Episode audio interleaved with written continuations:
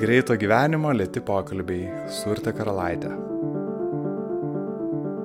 Sveiki, aš esu Urte Karalaitė ir jūs klausote podcast'o Greito gyvenimo lėti pokalbiai. Tai yra pirmasis kartas, kai bandau rašyti įžangą iškart po įrašo, jos nepasiruošusi ir neapmaščiusi, nes esu labai stiprio emocijoje ir kažkaip noriu ją turbūt pagauti. Pokalbis, na tikrai mane kažkaip paliko be amo ir taip įvyko dėl to, kad jisai pranoko visus mano lūkesčius. Dažnai būna priešingai, ar ne? Mes dažnai nusiviliame, nes e, lūkesčiai būna e, didesni.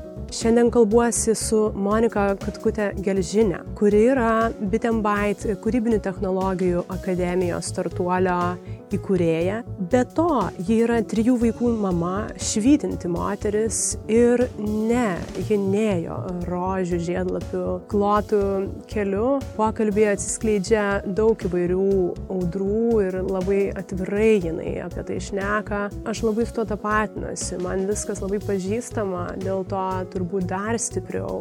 Gera žinoti, kad mes visi einam, praeinam, banguojam, išeinam, ieškom išėjimų sprendimų nerandam, griūnam atgal, bandom dar kartą. Tas bendrumas mane tikrai labai sustiprina ir šitas podcastas to bendrumo tikrai labai daug duoda. Aš vis daugiau bendrauju su, su žmonėmis, kurie klauso, kuriem padeda rasti kažkokius atsakymus šitie mūsų pokalbiai. Ir tai yra irgi apie tą pačią bendrystę ir apie vienišumą, kurį paliečia pokalbėje Monika, kuris yra tikrai labai stiprus ir baisus, kurio tikrai turbūt galima išvengti ieškant bendrystės, artumo, tikrumo ir atvirumo. Tai šiandien pokalbis iš esmės apie tai. Banguotas, greitas, Monika neturėjo daug laiko. Jeigu jums svarbus e, tokie pokalbiai ir temos, e, kurias čia liečiame, aš labai kviečiu jūs prisidėti ir paremti podcastą. Tai galite padaryti patreon.com pasvirasis brūkšnys, lėti pokalbiai. Ir noriu labai padėkoti naujai prisijungusiems Patreon remėjams Agniai Vensloviai, Kristinai Pranskūnaitėjai ir Gediminai Šiauliui. Na ką, gero klausimo. Labas, Monika. Labas, Urte. Tai labai smagu, kad sutikai prisijungti. Ir aš noriu pradėti nuo to, kad žinoma, perskaičiau visą tavo Facebook'o sieną. Čia jau ir daug širdelių palikai, ačiū. Jo, šita dalis tai labai keista, nes kažkas tiesiog skrolina tavo visą Facebook'o sieną ir, ir, ir viską iš eilės tave vertina. Žinau, kad esi technologijų pasaulio atstovė ir man labai patiko tavo pasakymas, kad programavimas tai tarsi žiūrėjimas po automobilio kapotų ir bandymas suprasti, kas ten kaip veikia. Tai šiandien aš norėčiau pažiūrėti po tavo kapotų. labai fainai skamba. Ir vad patirinėti Moniką kaip verslo kurėja, kaip mama, moterį visuose šituose skirtingose vaidmenyse. Gal ir pradėsiu tuomet uh, nuo verslo. Įkūrėjai uh, dabartinį jūsų startuolį Bitembait, uh, kūrybinių technologijų mokykla, ar ne, galima taip vadinti vaikams. Ir jeigu neklystu, tu visiškai viena tą pradėjai, na, su trupučiu pagalbos, ar ne, pradžioje prieš tai vienas e, tavo pradėtas verslas bankrutavo ir esi minėjus kitas nesėkmes šitam kelyje. Kas čia yra tavo stuburas ir kas tave sugražina ant tų bėgių ir kažkaip tvirtai padeda vis tiek važiuoti pirmin? Nes žodžio tvirtai galėtumėm ginčytis ilgai, bet ten bait LinkedIn dėka pamačiau, kad tuoj bus keturi metai prieš tai komanda, kompanija, kurią kūriau ir kurioje dirbau, nebuvo nesėkmė, mūsų sėkmingai nusipirko Britų kompanija, prieš tai dar buvo kelios nesėkmės. Iki šiol mano drąsa buvo iš smalsumo ir naivumo ir negalėjimo nedaryti. Dabar, manau, jinai gauna tokios brandos. Dabar mano drąsa dažniau yra pasirinkimas ir aš tuo labai džiaugiuosi. Aš dar savęs verslininkė nesitapatinu su verslininkės pavadinimu kuriu pokytį verslo instrumentais. Tai vat, verslo terpėje, galbūt kažkokia tai technologija, verslo įgūdžiais ir panašiai, bet mano vis tiek pagrindinis stimulas yra pokyčio kūrimas, socialinio pokyčio kūrimas. Tai man primena, kai būna sunku, kad aš pasirašau tokį kontraktą su savim, kad tu darydamas socialinį kažkokį pokytį negali bankrutuoti. Nes tu tarsi turi tokį įsipareigojimą, kad tu turi užbaigti ir padaryti tą pokytį. Ir tarsi verslė tu gali pabėgti, bankrutuoti, įti kitą idėją, keisti kryptį ir panašiai. O čia vis tiek to įsipareigojimo yra daugiau. Bent jau vidinio įsipareigojimo, kad jeigu tu prisėmi šitą rolę, šitą titulą, tai tu už jį turi atsakyti kaip tu matuotum, na, gal ne viso verslo sėkmę, bet e, gal ir tavo pačios idėjų sėkmę šitoje veikloje, bet kokio pokyčio tu tikėtumėsi, kas tau būtų sėkmė čia? Tai turbūt yra dvi, dvi kryptis. Tai viena kryptis yra skaičiai, tai dalykai, kuriuos tu gali pamatuoti, tai yra kiekis vaikų, kuriuos tu gali įkvėpti arba padėti jiems gauti tuos 21 amžiaus įgūdžius. O kitas dalykas - tai vidinė intuicija, kad tu dar žaidi, tau smagu. Tai man tokios dvi dalis. Viena tokia labai skaitinė, aiški, o kita yra labiau vidiniam pokalbiui skirta pasitikrinimui.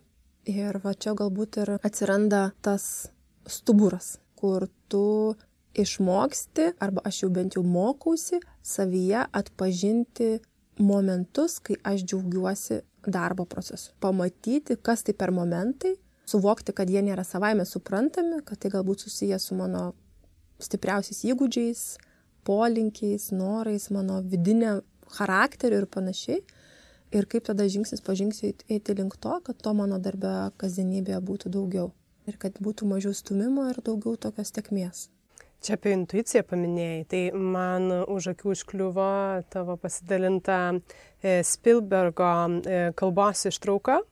Ir ten jisai kalba, kad intuicija šnapžda, o nereikia ir kad reikia labai įsiklausyti, kad išgirstume. Tai vad, e, kadangi tu jau kalbė apie tai, kaip tu išgirsti tai, nes iš tiesų nu, mes tikrai dabar gyvenam bėgime informacijų, emocijų, užversti ir, ir kas tau, kokiais momentais tu pastebi vat, tuos, tuos dalykus ir ar būtent apie tai, ką jisai kalba, ar vat, kaip tu sakai, kas sukelia džiaugsmą procese. Pasidžiaugimas aplinka yra galbūt net įgimtas, aš labai pastebiu smulkmenas ir moku juom pasidžiaugti, o kartu ir tai, kad mano gyvenime padaugėjo atsiskirimo. Kas tai yra? Aš esu labai žmonių žmogus ir aš, kai kalbu su žmogum, aš būnu 95 procentais pokalbėje. Kai buvo labai daug triukšmo mano gyvenime, daug veiklos ir atsirado vaikai ir aš tokia persitempiau, nukrypau kažkokį perfekcionizmą, kad būti viskuo visiems ir nebežinoti, kas esu savo. Ir um, kai taip emociškai ir fiziškai sugriuvau, po truputį grįžinėjau prie to, kad būti daugiau laiko be žmonių. Be žmonių ar visai vienumoje? Vienumoje. Vienumoje. Mhm iš tikrųjų vienumoj ir ta vienuma manęs nie truputėlio negąsdina. Nes aš žinau, kad nėra laikina ir dėl to galiu labai ją pasimėgauti. Ir aš vienumoje atgaunu jėgas, nurimsta mano protas, susisloksniuoja mintis, suvirškinu gyvenimą, apvirškinu ir tada galiu tikrai daug ramiau priminėti sprendimus ir gyventi santykiuose su kitais žmonėmis. Ir mano vienuma gali būti ir valandos trukmės, dešimties minučių, gali būti dienos trukmės. Kad tikrai nėra mano gyvenime tokios utopijos, kad savaitę praleidžiu vienumoje. Ne, čia jau per dar šiuo metu gyvenimo etape dar tikrai utopija. Vienatvė, rimtis. Kartais būna taip tylu, kad girdi net dvi savo linijas. tu mini, kad esi e, žmonių žmogus ir tuo laikotarpiu, kai aš įsivaizduoju daug veiksmo, veiklų, žmonių ir visko, kaip sakai, to triukšmo buvo daug. Kaip tu tada matai vienatvę? Ar, ar tavo santykis buvo visiškai priešingas su vienatvė, ar e, tave gazdino, kad nors jinai? Aš gal tuo metu nesuvokiau, kada jinai mane gazdina, bet aš jos tikrai vengiu. Nes vienatvėje tu susitinki su savo vidumi, ne visada pačia geriausia prasme. Ir tu, kurdamas triukšmą į išorę, irgi labai daug ką gali paslėpti. Tai man vienatvė padeda visų pirma vidinį triukšmą išsivalyti, išgirsti, ar čia triukšmas, ar čia iš tikrųjų mintis. Ir tada jau, kai va, tas toksai mini konfliktas vidinis įvyksta, kartais jis mini, kartais jis didelis, tas toks nu, rimtis grįžta su tokiu, nepabijosiu pasakyti, pliūpsnių sprendimu kad man tikrai būna, kad aš išeinu į mišką pabėgioti ar pasivaikščioti viena su paukščiukais ir grįžtu su trim sprendimais, kurie galbūt mano ten pusmetį takos darbų ir panašiai ir aš grįžtu ir man taip aišku ramu. Man turbūt dabar vienatvė yra tas instrumentas apvirškinimui, sugalvojimui ir ta tokia erdvė, kur mano smegenys atranda vėl tą tokį kūrybos džiaugsmą. O minčių um, tokie triukšmai ir srautai, žinai, e, paprastai, na, aš ir pati esu tą patyrus, kai kai staiga atsirandi e, situacijoje kuriam laikui vienas, na, galbūt kalba jau ne apie valandą, tiesiog jie suintensyvėja ir tos mintis gali būti visokios - teigiamos, neigiamos, tave mušančios, tau siūlančios kažkokius keiščiausius sprendimus, išskristi, žinai, kitą pasaulio kraštą viską metus. Ar, ar tau tas pažįstama ir kaip, vat, ypatingai pradžioj, gal, kaip, gal tu išmokai juos nuraminti ir vat, išsikristalizuoti kaip tu sakai, kažkokius sprendimus iš to? Dabar aš stengiuosi nieko neraminti, labiau atpažinti ir nesusitapatinti su to mintim ar emocija. Nes nuraminti tai reiškia apsimesti, kad to nėra. Tarsi nudėti kažkokį stalčių, uždaryti ir sakyti, va, man tai taip nėra, ha, ha, ha. Geriau stebėti, kiek įmanoma, aišku, čia toksai, žinai, ne aš nezent ir ne vienuolė medituojanti nuolatos, bet kiek įmanoma aš stengiuosi tiek savo geras, blogas emocijas, mintis, nustebėti iš šono, pažiūrėti, iš kur jos kyla, iš kur tos nuostatos atsiranda, ką man jos sako ir nesureikšminti jų, nereaktyviai elgtis, kiek įmanoma reaktyvumą sumažinti į savo mintis, į savo emocijas ir proaktyviau galbūt e, reaguoti. Bet apie tai, ką, ką tu kalbi, tai man yra bepročiai pažįstamas iš tikrųjų netgi praėjusi pavasarį spontaniškai nusipirkau bilietus į Maroką, nes galvoju, man tikrai reikia ištrūkti, nes buvau labai jaučiausi užstrigusi savo gyvenime, kur atrodo viskas vyksta nuostabiai, bet aš viduje jaučiausi, kad nu, esu tiesiog pastuose. Įsėdusi lėktuvą, supratau, kad aš visgi trim dienom išskrendu į Afriką, tada man tik atėjo tas suvokimas ir e, mano tas penkias valandas buvo tiesiog vienas ilgas panikos priepolis. Kartais atrodė, kad nebekvepuosiu, visas tas e, išgastis triukšmas, viskas tarsi lipo lauk. Tai buvo iš tikrųjų mano pirma kelionė, kai aš kažkur skridau viena. Kažkur važiavau viena, ne pas kažką, ne su kažkuo. Ir aš išlipau oro uostą ir aš supratau, kad e, man viskas yra gerai. Ir tos trys dienos man parodė, kad aš per tas tris dienas nei trupučio nesusierzinu. Mano poreikiai yra minimalūs. Nesu aš nei aikštinga, nei tinginė kad aš esu įdomi žmonėm, kurie manęs visiškai nepažįsta, nes jie atskridė iš visų kitų pasaulio kampelių, kad aš esu įdomi pati savo ir man nereikia to bendravimo. Ir tai buvo tik trys dienos, toks mažas tarpelis, kuris parodė man, kaip gali būti, kokia aš esu atsitraukusi nuo viso to triukšmo, įsipareigojimo, atsakomybių, lūkesčių kitų man. Ir tas įvykis mane iš tikrųjų labai išmušė iš vėžių, nes tuo pačiu ir uh, pradžiugino, kad aš esu faina savo galiu būti, bet to pačiu mano realybė labai skiriasi. Ir tu turi į tą realybę grįžti iš tos Afrikos ir tu turi to realybę atsikelti. Tu realybėje toj turi mylėti savo tris vaikus. Nes jeigu nemylė, tai kas tu per motiną ir kaip tu gali iš vis tai kvestionuoti. Tai uh, tikrai buvo sunkus metas ir man atrodo toks giliausias savikopos taškas, toksai dugnelis, kaip aš vadinu man labai pasisekė, kad aš leidau savo susikurti pragarą savo viduje, nueiti iki galo, iki to dugnelio ir kad dabar lipdama į viršų, kaip kopiu po truputį aukštyn, aš nebedarau kompromisų, nežinau, kaip gali būti ir padarysiu daug, kad tas jausmas nesikartotų. O kas tau va šitame kelyje jau lipant aukštyn padėjo? Perspektyva. Mhm. Atsiminimas tokio momento, kada aš jaučiausi savim ir kada jausdamasi savim jaučiausi puikiai atminty, nes smegenis išlaiko labai daug dalykų ne, ir jausmus, tą jausmą. Tai aš e, savo priemiu sprendimą, kad aš noriu grįžti į tą jausmą. Kai kuriuom dienom aš kaip pajaučiu, kad aš jau esu vėl tame jausme, man tiesiog palaima užlieja. Tas nuėjimas į dugną man labai padėjo tokį pamatyti, tai kad tai, kur aš tikrai nenoriu būti, užsibūti, nes galėjau tikrai va taip nueiti vėl atgal į tą viduriuką ir komfortabiliai tęsti, bet jau man taip sunku savo meluoti. Aš jaučiu, kad net man apsimauti džinsus, kurias man nepatinka, yra sunku, nes man atrodo kūnas sako, nusiplėšk dabar. Tai man šitas labai patinka protestas vidinis, jisai mane išlaisvina ir man laisvė visą laiką buvo labai svarbi. Laisvė būti savimi. Ne tik, kad laisvė daryti, ką nori ir tenai taškytis, bet laisvė būti savim, būti atsakingai už save, džiaugti savim. Ir čia toks, nu, gal net ir susikalbėjimas su savim, man atrodo, nes ką tu sakai, dažnai pakliūnam į tokias situacijas, kur mes tarsi kūriam save ir va dabar, nu, ne, reikia šituos džinsus dėvėti, jie madingi, bet tau vidinė Monika sako, žinai, priešingai ir kad tu girdi tą. Mhm. Tas turbūt labai svarbu yra. Tai man dar įdomu iš to, ką tu kalbi, kelis kartus tu pameni, žinai, tą tikrą save ir tą save, kur, kuri tau patinka. Tai kokia yra ta Monika? nu, bendrai su kažkokiais keliais bruožais, žinai, nu vis tiek jūs, jūs jau susikalbat. Atvira. Savo ar aplinkai. Viską. Pasauliui. Smalsi, džiaugsminga, mylinti, drasi, tinginė, jautri, silpna ir stipri ir mėgstanti gyvenimą. Man įdomu, iš, iš to refleksijų aš girdžiu ir vienam pokalbį, kurį radau e, tokio ir tikslumo.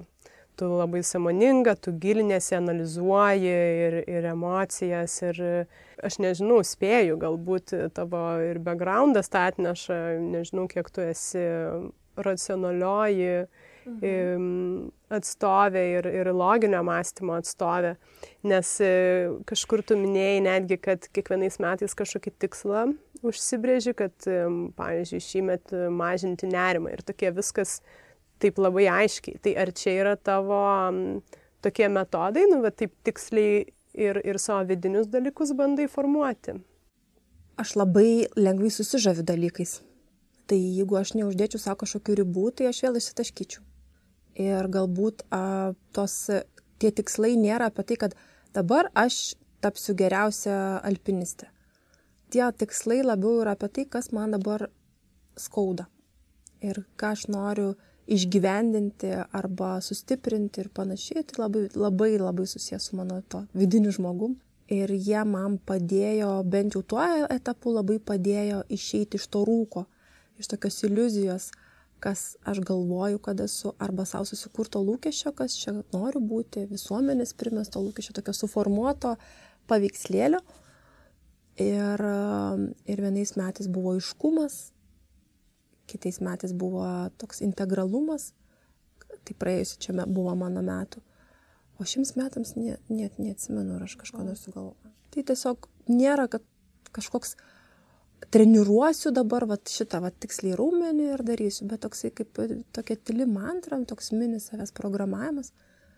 Ir um, aš racionalume randu labai daug kūrybos. Man logika padeda primti kūrybiškus sprendimus. Nes analizuodama pasaulį, rasdamas loginius ryšius, aš galiu perdaryti loginius ryšius dalykų ir atrasti naują sprendimą. Tai man kūrybiškumas ir logika yra on the same plate. Gali čia paplėtoti, nes, na, skamba labai viliojančiai ir fainai, Tikrai. bet gal, žinai, turi kažkokių pavyzdžių, nes, va, įdomu, kaip e, tą kūrybą iš ten. Tas pas, kas yra tarpdiscipliniškumas, tarsi, ne, tarsi menas yra jau savaime kūryba, bet man technologijos irgi taip pat yra kūryba. Tiesiog tu pasirenki skirtingą įrankį, ir tu sugalvoji idėją arba sprendimą, problemą, iššūkį, kaip tik nori, gali pagalvoti, kūrinį ir tada jau renkiesi įrankius, kurie tau logiškai padėtų tą problemą išspręsti, sukurti kažką tai. Tai jeigu važiuoti iš tos perspektyvos, tai logika kūryboje labai labai padeda. Ir jeigu tu galėtum kiekvieną kūrinį dekonstruoti, iš tikrųjų jisai turi vis tiek kažkokią tai logiką, jisai ateina iš kažkur ir kažkur veda. Tai šitam procese man uh, ta analizė ir pažiūrėjimas iš kitokių skirtingų kampų labai padeda daug dalykų pamatyti, kur žmonės tiesiog galbūt praskipina, nes per daug labai įsigilinę yra dalyką ir mato tik va šitą kelią. O aš taip žiūriu, žiūriu ir galvoju, skaitau knygą, tada kažkokį klausau podcastą, kalbu su žmogum ir man tada vat, po kokios savaitės suprantu, kad visų šitų trijų dalykų, pro, visų trų skirtingų problemų sprendimas gali būti vienas, kuris galbūt visai iš kitos ryties yra bet jie visi yra logiški. Nemanau, kad eureka momentas yra kažkoks nelogiškas. Aš netgi sakyčiau, kad neįmanoma, kad jis būtų nelogiškas, nes smegenys logiškai veikia. Tik tai gal mes tos logikos iki galo dar nesuvokiame, jinai tokia kompleksiška. Bet visos tos jungtis yra logiškos, josgi nėra atsitiktinis. Tai ir sprendimai yra, atsitiktinumas yra tame, kaip atsitinka tas sprendimas, ne? kaip kada susijungia iš kokio impulso, kas sukelia, kas, kokie dalykai išoriniai. Man logika ir kūryba yra, sakau, toj pačioj lėkštėje. Čia labai įdomu iš tiesų, kaip ir, na, tam tikroji saviugdoj, saviieškoj tą taikyti, nes aš įsivaizduoju irgi tu kažkaip dekonstruoji save, kaip sakai, išsiaiškini, kas iš ko ateina, nežinau, ar paternai kažkokie ir tada pakeliui tau vis suskamba ir, ir kažkokie tai keliai, aš įsivaizduoju, atsakymai, kryptis. Taip, taip, atsakymas savo galvoje dalykas yra labai iš tikrųjų paradoksalus, nes iš tikrųjų tavo galva linkusi atrasti atsakymą, kurio tu ieškai. Tai pasitikėti vien savo galvą nėra rekomenduotina, kritinį mąstymą ugdyti būtina, bet jeigu galvoti, kad tu gyveni tam, kad žaistum, arba žaidi tam, kad gyventum, tai tikrai labai padeda tas toksai vat grįžimas persižiūrėjimas mhm dabar gal taip o dabar gal taip. Ir tas suskamba reiškia o sugalvoji kitą ėjimą arba dar kitą ėjimą. Ir tai tikrai duoda neturiu aš nuobodžių dienų neturiu nuobodžių pokalbių neturiu nuobodžių dienų valandų net nuobodžių neturiu. Man žodis nuobodu jisai yra siekiamybė aš netgi gal pasvajočiau kad kada nors būtų nuobodu. Bet bet mm, vat šito dalyko mano gyvenime nėra. Mano galvoje visada galima rasti įdomių dalykų. Labai daug nuotykių. Kur... Taip, tikrai, toks baronas Milhausenas galvoje gyvena, prisigalvoja nesąmonių, pats sugriūna, pats atsikelia, gal pakonfliktuoja, žinai, tada.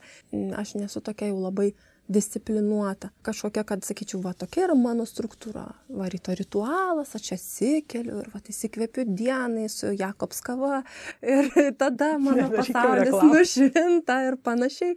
Tikrai mano gyvenimas yra vienas didelis chaosas. Ir man atrodo kad mano stiprybė yra tame kad aš nebijau gyventi chaose Ir kažkaip tu labai sveikai išbalansuoji, kad tavęs tai neišmuša iš Buvo išmušę kažkuriam tai laiko tarpui vat, ir panašiai. Ir iš tikrųjų man labai padėjo psichoterapija. Grįžti tas vėžės tikrai nebuvo taip, kad aš pati iš savęs esu viską žinanti, bet tikrai daug viduje yra atsakymų. Jeigu nori girdėti ir esi pasiruošęs, susitik su savim, suprasi, kad kompromisų darai daug ne tam, kad kitiems patiktum, bet tam, kad nemoki savo patikti.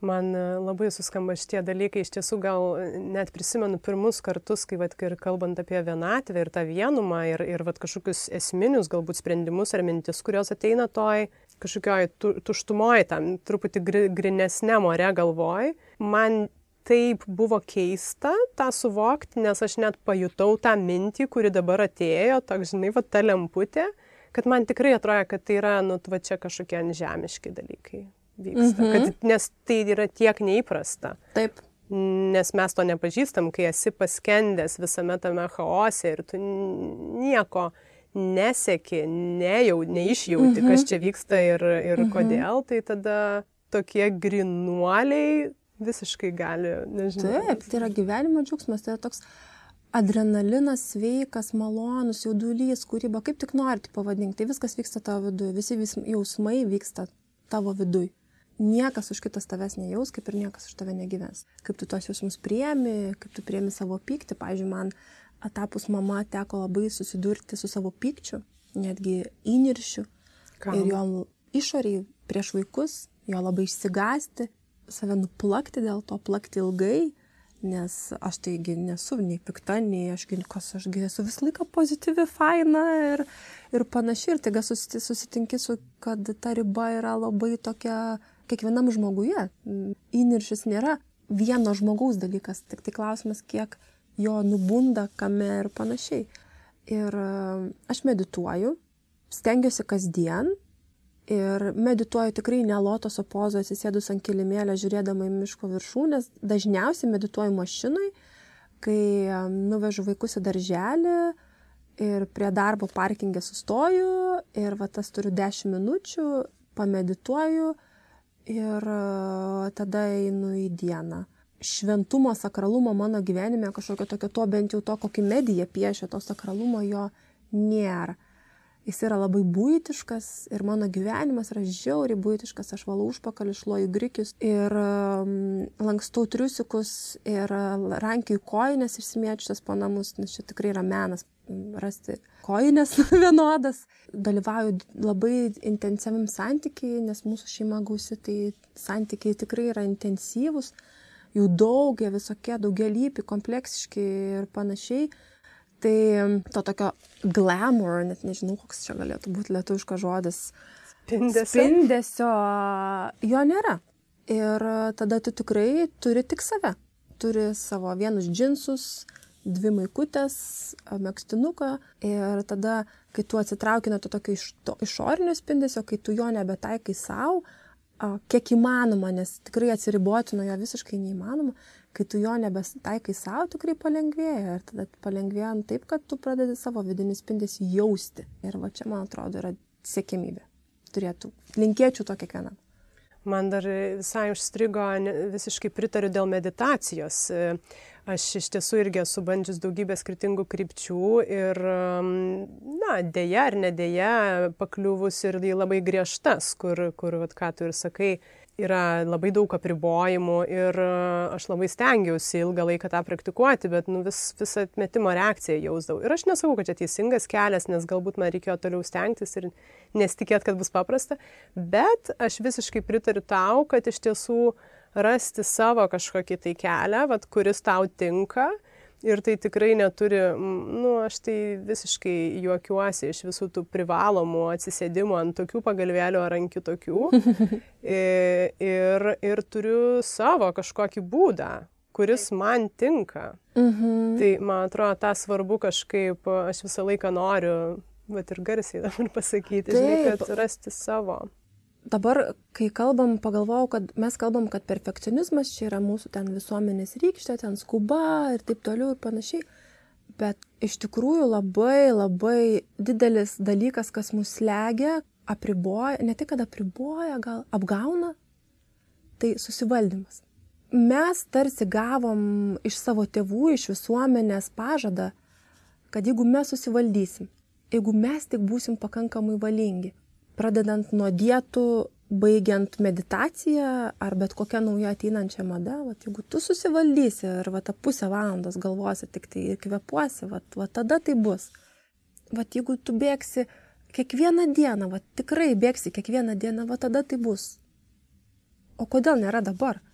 Ir kur tas susivaldymas veda? Jisai veda prie to, kad tu tiek išnaudosi valios stengtis, kad tu nebebūsi čia.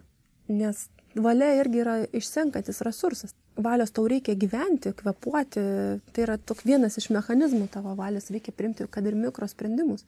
O mum jinai atrodo tokia neišsenkama, ją reikia ugdyti. O jeigu mes ją turime, jeigu mes pasitikėtume visų pirma patys savim, kad mes turim tą valią, tą vidinę valią, daryti pasirinkimus, kurie yra visų pirma mums tinkamiausi.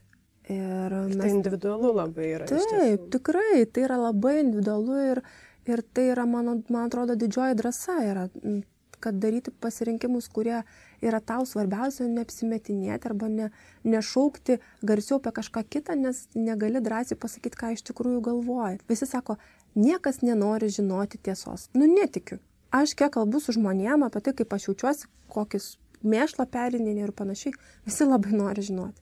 Visi labai nori kalbėti apie tikrumą, nes jau visi pavargo nuo, nuo Instagramo filtrų ir lyginimuose. Nes tas lyginimasis taip vargina, nes lyginimasis tau primena, kad tu esi netobulas, nes kažkas tau sakė, kad jeigu susivaldysi arba pasistengsi ar kažką padarysi, bus, bus tobula. O kas? Kur? Kaip? Tai va šitoj vietoj man tikrai palengvėjo, kai aš leidau savo pripažinti, kad aš nesu tobula. Ir mano turbūt buvo praėjusių metų atradimas didžiausias, kad aš ne tik, kad nesu tobula, aš esu labai ribota. Aš esu limituota. Ir tai yra geriausia, kas man gali atsitikti. O ką tu turi omeny ribota? Tai čia... Aš esu ribotų gebėjimų, mhm. ribotais resursais, tiek fiziniais, emociniais, ribotų žinojimų, ribotos išvaizdos, ribotų duotybių, riboto laiko ir panašiai. Bet tada, jeigu mes grįžtam vėl prie logikos ir kūrybiškumo, tada tas apribojimas tau gali tapti kūrybiškumo šaltiniu. Tai kaip tu pradedi tuose ribose kurti, neperduodamas išorės. Tu nepadarai to, o čia man ten politikai neleido, ten dar kažkas, ar be pasiteisinimų, kad išorė kažko tau nedavė, o atsigręždami save kaip į kūrybinį vienetą, tokį Nu, man tai labai smagu, nežinau. Čia labai panašus pavyzdys, žinai, gali būti ir iš, nežinau, mokyklos, žinai, ar, ar vaikų, tarkim, kurie turi visas įmanomas priemonės ir kuriam tu duodi vieną pieštuką ir vieną popieriaus lapą. Ir kiek tas vaikas, turėdamas ribotą ar ne priemonių šiuo atveju, kiek žymiai lavėja labiau kūrybiškai, negu negalėdamas išsirinkti, kurią čia priemonę. Ar... Nes pasirinkimas vargina, pasirinkimas yra dabar mūsų, mums tikrai nepadeda ta pasirinkimų gausa, nes smegenis šokinėja nuo vieno prie kito ir galbūt tas vat, socialiniai tinklai ir technologijų vartojimas jisai žmogui tarsi sukuria įspūdį, kad jisai gali rinktis bet ką, bet smegenys tiek negali apriepti. Mes labai mažai paliekam laiko suvirškinti tai, ką suvartojam ir mūsų galvose viskas pirga, o vat, kaip tai susivirškina, kaip tai susisloksniuoja, ką tai mums iš tikrųjų duoda, tai taip, taip sudėtinga. Tai aš tai galvoju, kad 21 amžiuje neišvengiamai mes turim pirmą susipažinti su savimi. Bet čia taip sakai, na, aš labai norėčiau, kad tai jau būtų anksčiau įvykę. Taip. Turiu menį, kad dabar, žinai, be abejo, tas vyksta ir... ir tas vat, vyksta, sakai... tai aš galbūt, aš taip, aš taip, pažiūrėjau, žiūrėčiau iš kitos perspektyvos, kad mes taip gerai gyvenam, kad jau galim sauliaisti. Nu taip, čia jau Monika pozityviau neįmanoma. Taip, taip, iš tikrųjų, mes neturim ne, tai karo, maro ir visokių kitokių taip. dalykų ir mes galim iš tikrųjų sauliaisti svaidytis tokiais dalykais kaip savęs pažinimas. Aš tai priimu kaip didžiulę dovaną, nes tikrai pagalvojus, kaip gyvena mano močiutės ir kad uh, jos kaip žmonės galbūt ir neturėjo galimybės džiaugti savim. Ir tada jos turėjo labai daug atiduoti kitiems, tokia tarnystė, pataikavimui, visų kitų aptarnavimui, kad pateisinti save, kad būti, o aš galiu jau iš to išeiti, rasti kitokius būdus ir mane tai tikrai labai žemina. Aš gal truputį norėčiau grįžti, nes ir vienas klausimas panašus mano buvo mini kažkokius kylančius vidinius pikčius, uh, net negaliu sakyti, kad šeimoje, bet labiau nu, tose situacijose naujose, kaip suprantu. Ir man didžiulė mistika visą laiką buvo ir, ir išlieka kantrybė šeimoje. Tai va čia truputį irgi siejasi kas ją maitina. Na vis tiek, kaip tu randi kažkokį tą vat, ramybę, aš įsivaizduoju, kad tikrai būna ir to pykčio, ir kažkokių tai išraiškų, kaip visgi pavyksta susigrįžti į savo stuburą ir kažkaip um, tobulėti tame. Tai mokytis, mokytis ir dar kartą mokytis, nesusireikšminti, neprimti to, kad tu kaip tėvas ateini jų sužinojimu, kaip viską reikia daryti, ką bando įbrukti pasaulis, kad tu tarsi intuityviai žinai, kaip čia viską daryti. Galbūt, galbūt man tai neduota, aš turiu to išmokti visų pirma savo viduje. Tai nekalbu apie tai, kad tu turi eiti mokytis, eiti į universitetus ir panašiai, bet viduje nesusireikšminti, visų pirma priimti kitą kaip žmogų, nepaisant jo amžiaus ir tada labai daug atsakymų. Tai visų pirma, mano mama yra be galo kantri. Pyktis, aš neprisimenu, kad būčiau jautusi mamos pyktį. Tai kai aš pykstu ant savo vaikų, man tikrai būna gan dvigubai sunkiau, nes aš galvoju, mano mama tai taip nedarė, kodėl aš taip darau. Bet to pačiu aš galvoju, kad e, mes grįžtam vėl prie to paties susivaldymo. Jeigu tu nuolatos valdaisi, bet neišsprendi pamatinės problemos, kodėl tau reikia valdytis ir kodėl esi nekantrus, tai tu nuolatos pratruksi. Kaip ir vaikas, pavyzdžiui, mano vaikai, mūsų vaikai, kai įsėda į mašiną po darželio arba kai važiuojam po darželio, ta pirma valanda būna, nu, tragedija tiesiog kalnas emocijų, pykčio, viso ko, nes jie visą dieną valdėsi. Jie buvo tokioje aplinkoje, kurie ne, nėra iki galo atsipalaidavę, savi ir panašiai, jiems tai kainuoja daug emocinio darbo ir čia jie išsilieja, paleidžia vadžias, išsilieja ir tada jie grįžta kaip niekur nieko, jinai namus žaidžia, bučiuojasi, apsikabina ir panašiai. Mes suaugę atmokom paleisti savo emocijas. Mes auginami buvom aplinkoj, kur žmonės vengia vieni kitų intensyvių emocijų. Tėvai vengia vaikų intensyvių emocijų.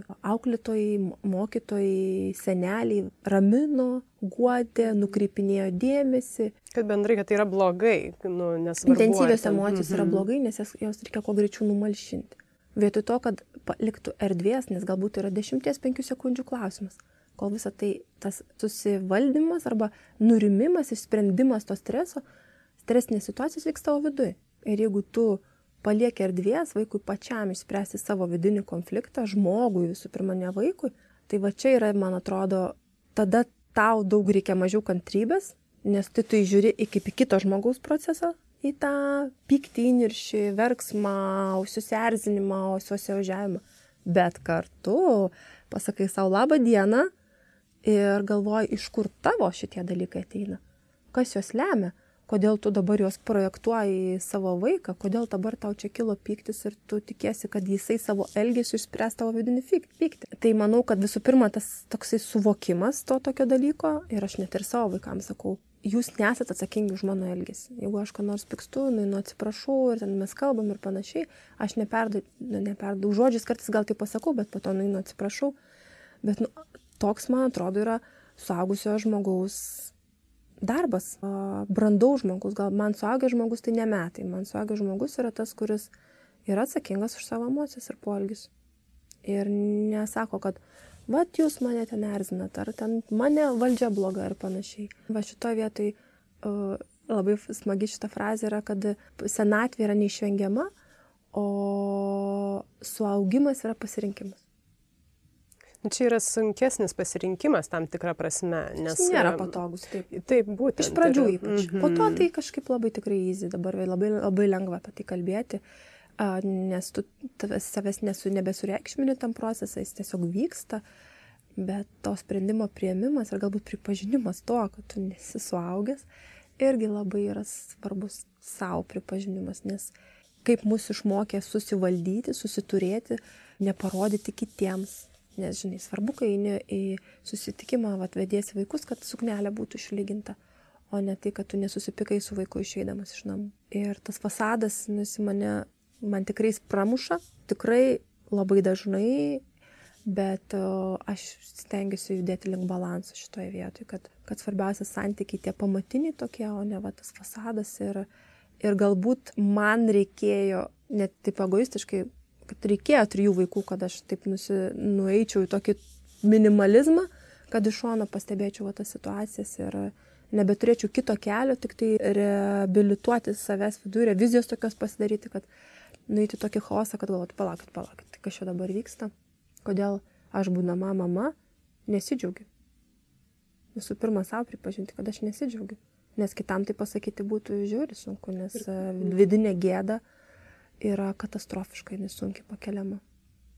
Ir kažkaip savo leisti tą jausti, nu, kad tai nėra, va, ir šitie, nu, ką tu sakai, mm. ir kažkokie pykčiai, na, čia visose situacijose, kad it's ok, nu, kad taip gali būti, kad tai nėra. Nu... Sauliaisti arba atpažinti, bet dar dabar, va, kai sakau, tai dar dabar nėra lengva, dabar iš karto toks skausmas vidinis. Iš tikrųjų, esu turėjęs tokių operacijų, tenai traumų ir panašiai, bet tai, ką tau, ką tau gali sukelti tavo vidinis skausmas, kai tu nebesupranti savęs ir tu supranti, kad nu, tai, ko tu iki šiol tikėjai, nebeveikia. Tokį fizinį skausmą, kuri atrodo sukelia psichologiniai dalykai, kai tu jį pajauti tokiu, kad tikrai visas kūnas skauda, tai nu, tikrai yra labai, ir labai įdomu, ir, ir gazina, ir to pačiu, ir, ir sakau, man tai ta perspektyva padeda žinoti, kad aš ten nebenoriu grįžti ir po truputį, po truputį sveikti. Dabar aš jau galiu kalbėti apie tai, kad aš jau pradedu formuoti savo vidinį stuburą ir savo vidinį paveikslėlį. Ir tada, kai viduje švara, švaros daugiau, nėra jinai tokia šimtaprocentinė ir nemanau, kad bus, tada ir tas išorinis, išorinis paveikslėlis kitiems žmonėms yra primtinesnis. Jisai atrodo tikras, o žmonės yra išsilgę tikrumo. Aš jau sakiau, man, man toks jausmas pagal tai, kiek aš va, turėjau pokalbį prie praėjusius metus, žmonės trokšta tikrumo, tikrų santykių, tikrų pokalbių, kurie gazdina, kurie išprovokuoja, kurie išjudina tą tokį, taip pavirčia tave tavo nepatogiai jaustis, pajusti tokį diskomfortą, kad jų nebegali jo paslėpti. Ir aš labai linkiu visiems pajusti savo gyvenimo situacijose tokį diskomfortą, kuris paskatintų kažką keisti. Ir jis nebūtinai turi būti susijęs su kažkokiais tragiškais įvykiais.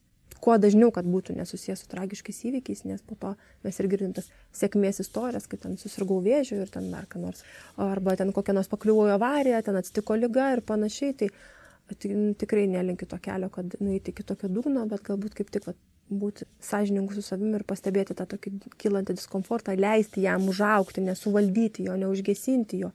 Kaip ir džiaugsmo neužgesinti, taip ir to diskomforto neužgesinti kad jisai daug ką pasako. Tai va čia galbūt ta intuicija, kuri yra labiau fiziologinė tokia, tada veikia ir va, tas diskomfortas, jisai tai labai stiprus rodiklis. Labai. Žiūrėjau tokį gražų filmą Insai apie intuiciją ir ten buvo maždaug taip, kad mes tiek daug turim triukšmo išorėje, kad nu, mes tikrai neturim jokios galimybės save girdėti viduje.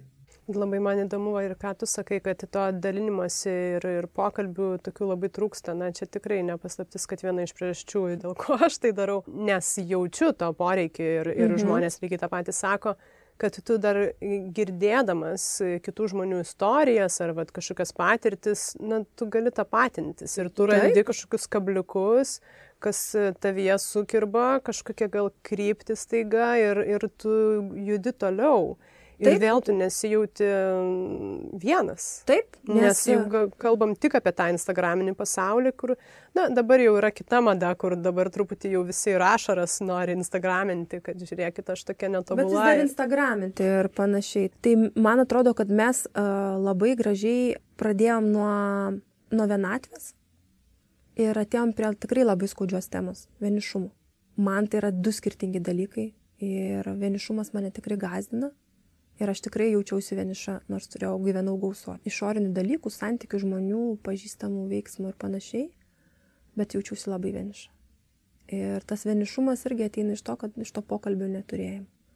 Ir tas susitapatinimas reikalingas tam, ne, ne tam, kad tu, um, arba tiesiai šviesiai sakant, iš tikrųjų reikalingas tam, kad tu jaustumės labiau žmogum, kad ir kitas yra žmogus ir kad tu nesijausim toks vienišas su savo problemom, su savo mintim, su savo dramom nes technologijos padaro taip, kad mes taip tarsi atsiskiriam, tarsi bendravom, bet iš tikrųjų bendravom savo galvos. Ir galvose tos dramos tiek daug ir tu taip sureikšmini viską savo galvoje. O kai išgirsti, kai kitas žmogus sako, tarsi atpalaiduoja, žinai, taip pat kaip kvepavimas, tarsi tokį ritmą bendrą pagauni ir įkvepi ir iškvepi ir atrodo pasidaro lengviau. Man dėl to labai patinka uh, stipriai auganti podkastų kultūra, kad mes daugiau girdim ir mažiau matom. Ir kai akis nedirba, mes galim geriau girdėti, mažiau lygintis, daugiau girdėti, priimti, daugiau mums rezonuoja ir tokio daugiau diskomforto galbūt pajausti e, ir džiaugsmo ir diskomforto į abi pusės ir mažiau vieniši jaustis tam tokioje didžiuliai kaitoj. Ir tada ta kaita yra tik tai kaip ir kokie jausmai, jie eina šalia. O tu esi kaip žmogus, va, jautiesi suprastas arba galbūt netgi labiau pats save supranti per kitą. Ir e, galbūt pagaliau laikas pripažinti, kad tai yra gerai ir nevengti to. Nes mes izoliavomės um, iš baimės irgi, mūsų gal sistema taip izoliavo, bet tai nėra tikrai lietuviškas reiškinys, tai yra labai pasaul, pasauliškas reiškinys dabar. Izoliuojamės irgi dėl baimės būti nesuprasti arba dėl baimės būti, pamatyti, kokie iš tikrųjų esam, uh, kad bu, esame riboti ir panašiai. Sakau, socialiniai tinklai galbūt dar paaštrina tą baimę. Nes uh, tavo trūkumai galėtum netgi punktelį surašyti, žinai, palyginama su kieno nors kito nuotrauka. Man motinystė tikrai buvo mano per, per, perfekcionizmo viršūnė. Kai tu ne tik kaip žmogus turi atrodyti tobulas, dar kaip mama turi elgtis atrodyti tobulai, dar kažkur yra santykiai su antra pusė, dar yra kažkoks tavo statusas profesinis. Uh, ir panašiai. Ir kai tu bandai visuose tose gabaliukose būti tobula, galbūt nesąmoningai, nu, tikrai labai lengva sugriūti. Labai lengva. Tavo artimiausiam žmonėms tavęs tobulos nereikia. Nes... Iš tiesų niekam nereikia, tik taip, socialiniam tinklam reikia. Taip. Na, Net ir jiems taip. turbūt nereikia, nes jeigu dabar tas trendas pavergti socialinius tinkluos stiprėja, tai žmonės vadinasi vis tiek, vis tiek ieško to tikrumo, bet kam jau kam, bet vaikams tai tikrai nereikia. Mano vaikams manęs tobulos nereikia. Jiem visiškai vienodai ir aš esu su naujais batais ar su pižama. Jiem tikrai svarbiau, kad aš gerai jaučiuosi. Aš tiek sulaukiu iš savo vaikų komplimentų. Aš truputį visiškai dabar noriu šauti -hmm. jau mhm. pabaigai į, į kitą pusę. Tai aš noriu tavęs paklausti apie moterį seksualumą. Kas tau tai yra? Ir čia gal įdomu ir pažiūrėti, kam jisai skirtas ir kam jisai komunikuoja.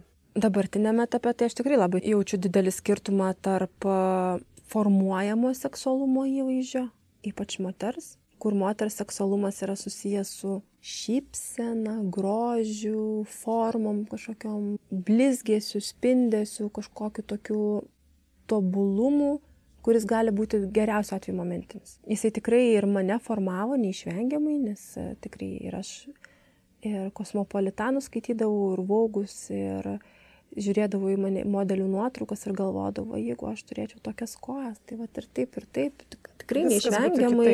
Taip, viskas būtų kitaip. Tai čia va vėl apie tą susivaldymą ir tokią kontrolę, tarsi, tarsi ir tokia kaip sėkmybė, tai tikrai ir, ir turėjau daug iššūkių ir, ir dar turiu ir su to tvarkausi dabar po truputėlį. Bet o tas tikrasis, jeigu jau taip pat o tas tikrasis primesta. seksualumas, tai, nu, tai irgi yra jausmas.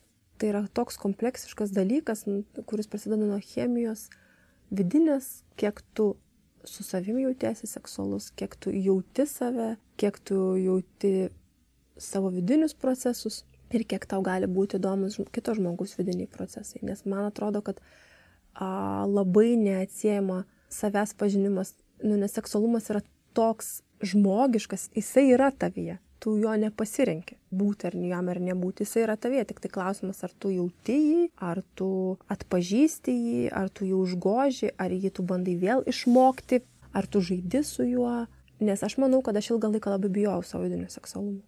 Nes tas jausmas buvo kažkoks keistas, jisai nėra tai, apie ką tau pasakoja ir ką tau su juo daryti. Tu, tu nepažįsti tiesiog, kas Taip, čia vyksta. Tu net mhm. pažįsti to jausmo ir jis tave gazina, kaip ir bet koks kitas dalykas, kurio tu nepažįsti, tada tu tvardai, slepi, ignoruoji, a, kitaip bandai performuoti ir panašiai. Ir jis irgi labai puikus įrankis kūrybiškumui. Ir jis nebūtinai turi būti susijęs, galbūt mums ta žodis seksualumas nebūtinai turi būti susijęs su to aktu pačiu. Jisai gali būti labiau irgi susijęs su pasaulėjau, to tokiu pažiūrėjimu, nes tave gali žodis traukti nebūtinai gali būti susijęs su kitu žmogum. Tas seksualumas gali būti labai toksai subtilus visai kitose dalykuose. Tik tai mes, kadangi neturim skirtingų žodžių, tai mes juos labai sutapatinam. Man, jeigu taip atsakyti, kas man yra seksualu, seksualiausi žmonės yra džiaugsmingi kurie džiaugiasi. Ir tai nebūtinai, kad jie visą laiką yra pozityvumų trikštantis ir vaivorykštėm vemintis, bet galbūt net atvirkščiai, kurie gyvena realybėj ir jie džiaugiasi. Žinai, kaip sako, tu iš akių matai. Tai džiaugsmas akise tikrai gyvena, bent jau man taip atrodo. Aš tikrai labai mėgstu flirtuoti. Man labai patinka, man tai džiugu yra, bet tai nebūtinai turi būti vada tokia vėl tas flirtuoti, ne kad tokia nusikabinti berną prasme. Flirtuoti tai yra žaisti ir seksualumas irgi viena iš žaidimo sąlygų yra. Ir manau, kad um, pažindami save, laisvėdami, uh, žmonės pradės daugiau galbūt savo leisti, ne tai kad kalbėti ir čia afišuotis, kad, bet galbūt savo leisti bent jau pajausti ir pažinti. Bent, užteks bent jau tiek, kad pradėti vėl ne nuo susivaldymo, o vat, pradėti priimti tą diskomfortą, pa, pažiūrėti į šoną. Ačiū tau, Monika. Mes praktiškai naują pokalbį čia pradedam dabar, labai neįprasta pabaiga. Ir labai daug įnešiai kažkokią į tą audringą mūsų gyvenimą, tokią lengvumą audroje. Taip, tai tikrai taip, šitą taip. labai tau ačiū. Va, prisiminiau, tai va šių metų mano žodis yra lengvumas. Lengvumas. Lengvumas. Nu, žinok, praktiškai mano visų metų toks žodis. Puiku. Gera, gera sėkmybės. Ačiū, kad klausėte. Paskutinis klausimas tikrai buvo pradžia visam naujam pokalbiui, kuris manyje tiesiog kirbėjo, bet jam nebebuvo laiko. Visas mūsų gal pokalbis toksai kažkiek išsitaškęs, aš nesiekiau praktiškai visiškai jokių savo klausimų, nes Monika tikrai iš savęs turėjo daug ką pasakyti, o aš turėjau daug ką paklausti, mes turėjom daug bendrumo. Tikiuosi tą bendrumą kažkaip pajutote ir jūs. Nepraleiskite naujų epizodų sekdami podcastą Instagram ir Facebook paskiruose ir priminsiu, kad paremti galite patreon.com pasvirasis brūkšnys lėti pokalbiai. Nuo abiejų mūsų su Monika linkiu to smalsumo ir nebijojimo žaisti kasdieną.